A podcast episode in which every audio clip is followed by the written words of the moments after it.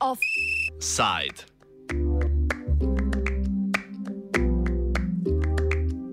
Zeleni val na mehiškem obzorju.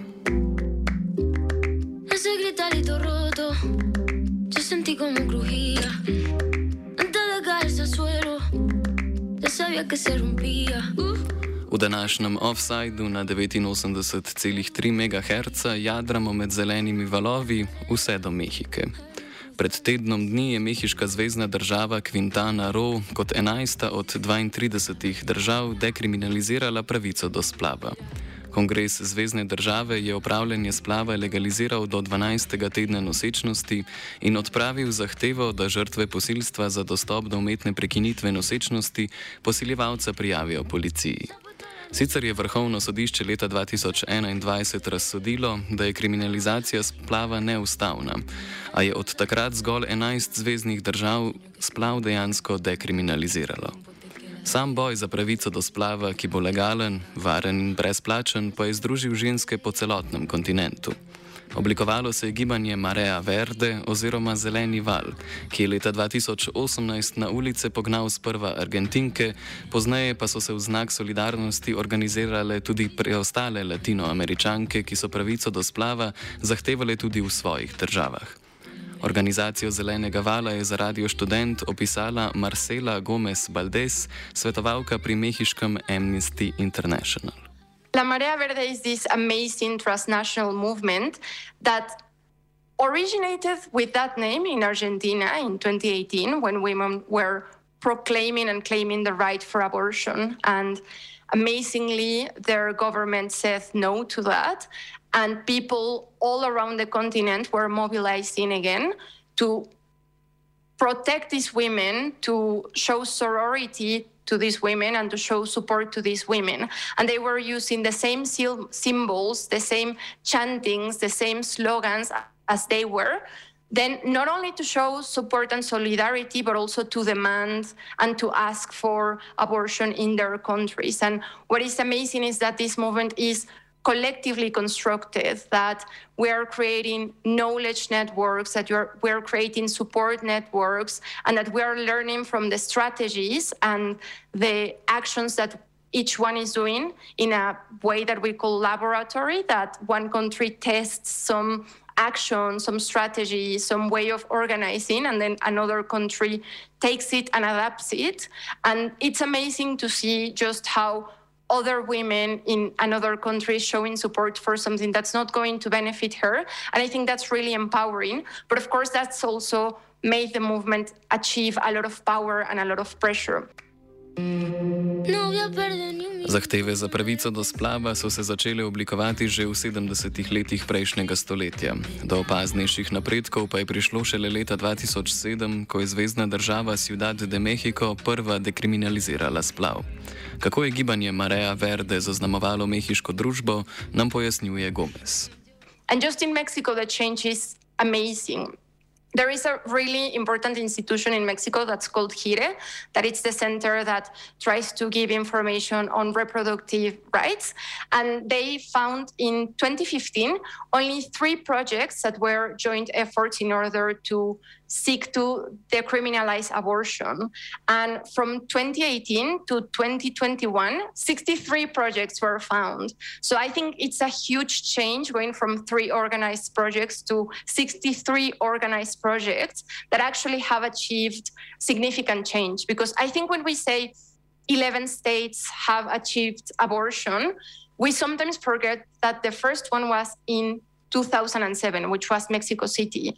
And then the next one didn't happen until 2019. So more than 10 years have to happen for one state more to achieve abortion. But from that moment, we have achieved more than five every year. And I think that is amazing. I think we crossed that barrier in different states and then we started achieving. And the states that have not legally accepted abortion yet have had either proposed proposals that have been rejected, which already shows that movements or political leaders are interested in the project and are pressuring the local government to recognize the right, or they have laws that are being written now in order to be shown as proposals. So the other states are not paralyzed, they are not trying to remain the same, they are also trying to follow these amazing 11 states and be in the same place.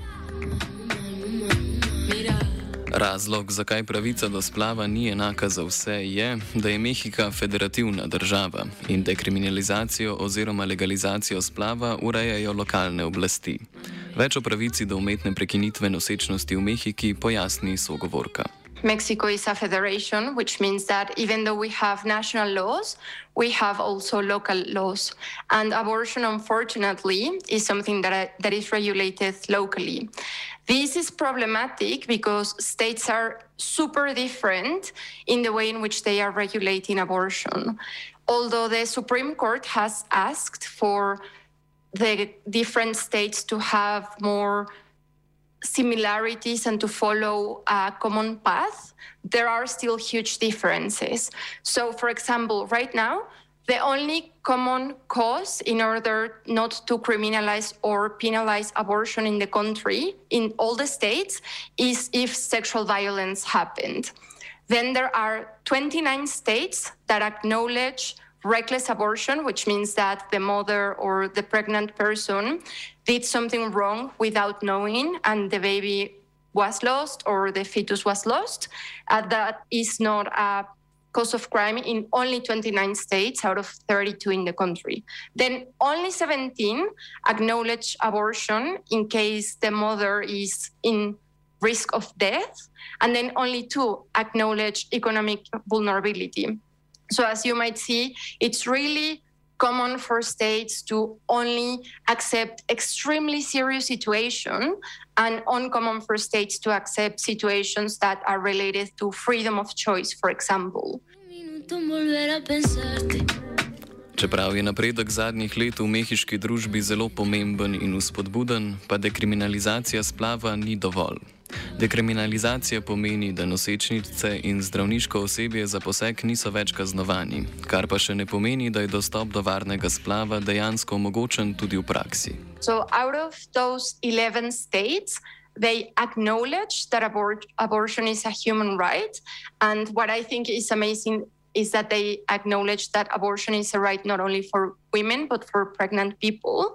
And they have important notions on, for example, that it should be free and accessible for all people. However, just that it's acknowledged in the law or that it's not penalized doesn't mean that it's translated into, for example, health laws. So even though the penal code has been modified so that we are not prosecuted for having abortions, the health laws are not yet changed so that institutions are forced to have abortion or forced to have, for example, people that are not conscious objectors, which is this um, legal protection for people that claim that moral and religious freedom allow them not to give the service, right? So even though there is acknowledgement that, okay, conscious objectors should have the right to say no to an abortion. Institutions should always have people that are not conscious objectors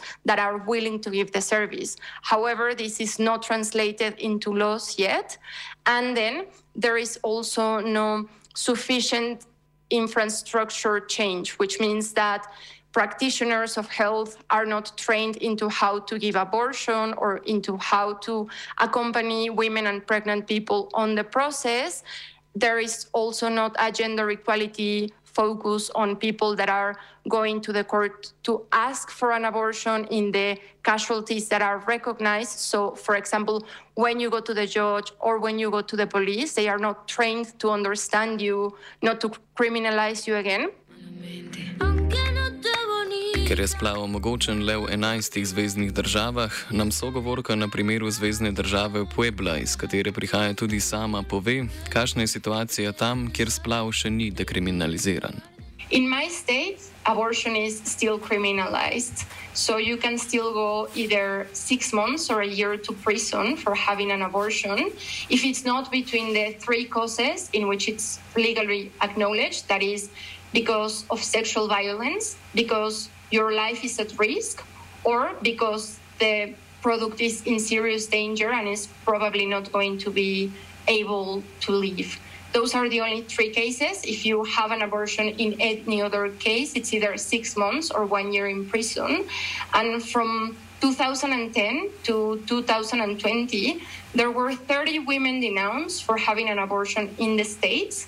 17 went to trial and five went to prison. So living that reality is very, very contrasting with knowing that states have already access to abortion. And it's common in my state for people to go to Mexico City to have an abortion because we're two hours and 30 minutes away, which for Mexican distances is close. But it's really expensive because you still need to travel there, you still need to know people that are there.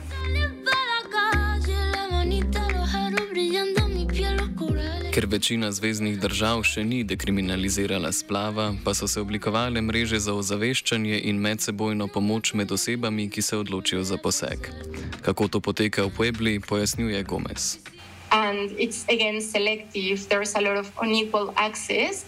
But there are also big La Marea Verde movements in Puebla, and I think we still have hope that even though the government is very religious, even though the society is very religious, we are going to achieve what other states have achieved. And what's really important is that we have really big support networks, which is something that has grown a lot in Mexico. Organizations, groups, or individuals that provide advice, advice, support, and contribute to access to safe abortion as a reality. So some of these organizations allow you to stay in their houses in another state so that you ha- can have the procedure. And once you have it, they accompany you so that you're not on your own and traveling unsafely back to your state.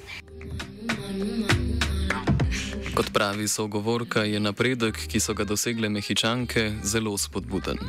Gibanje Marea Verde ni le boj za pravico do splava, zauzemajo se tudi za varno in dostopno kontracepcijo ter so proti nasilju nad ženskami. Sicer je kontracepcija splošno dostopna brez recepta, ampak ostaja tabu tako med mlajšimi kot poročenimi ženskami. Predvsem nasilje nad ženskami pa ostaja velik problem. Po uradnih podatkih se je v zadnjih petih letih celo povečalo za 70 odstotkov.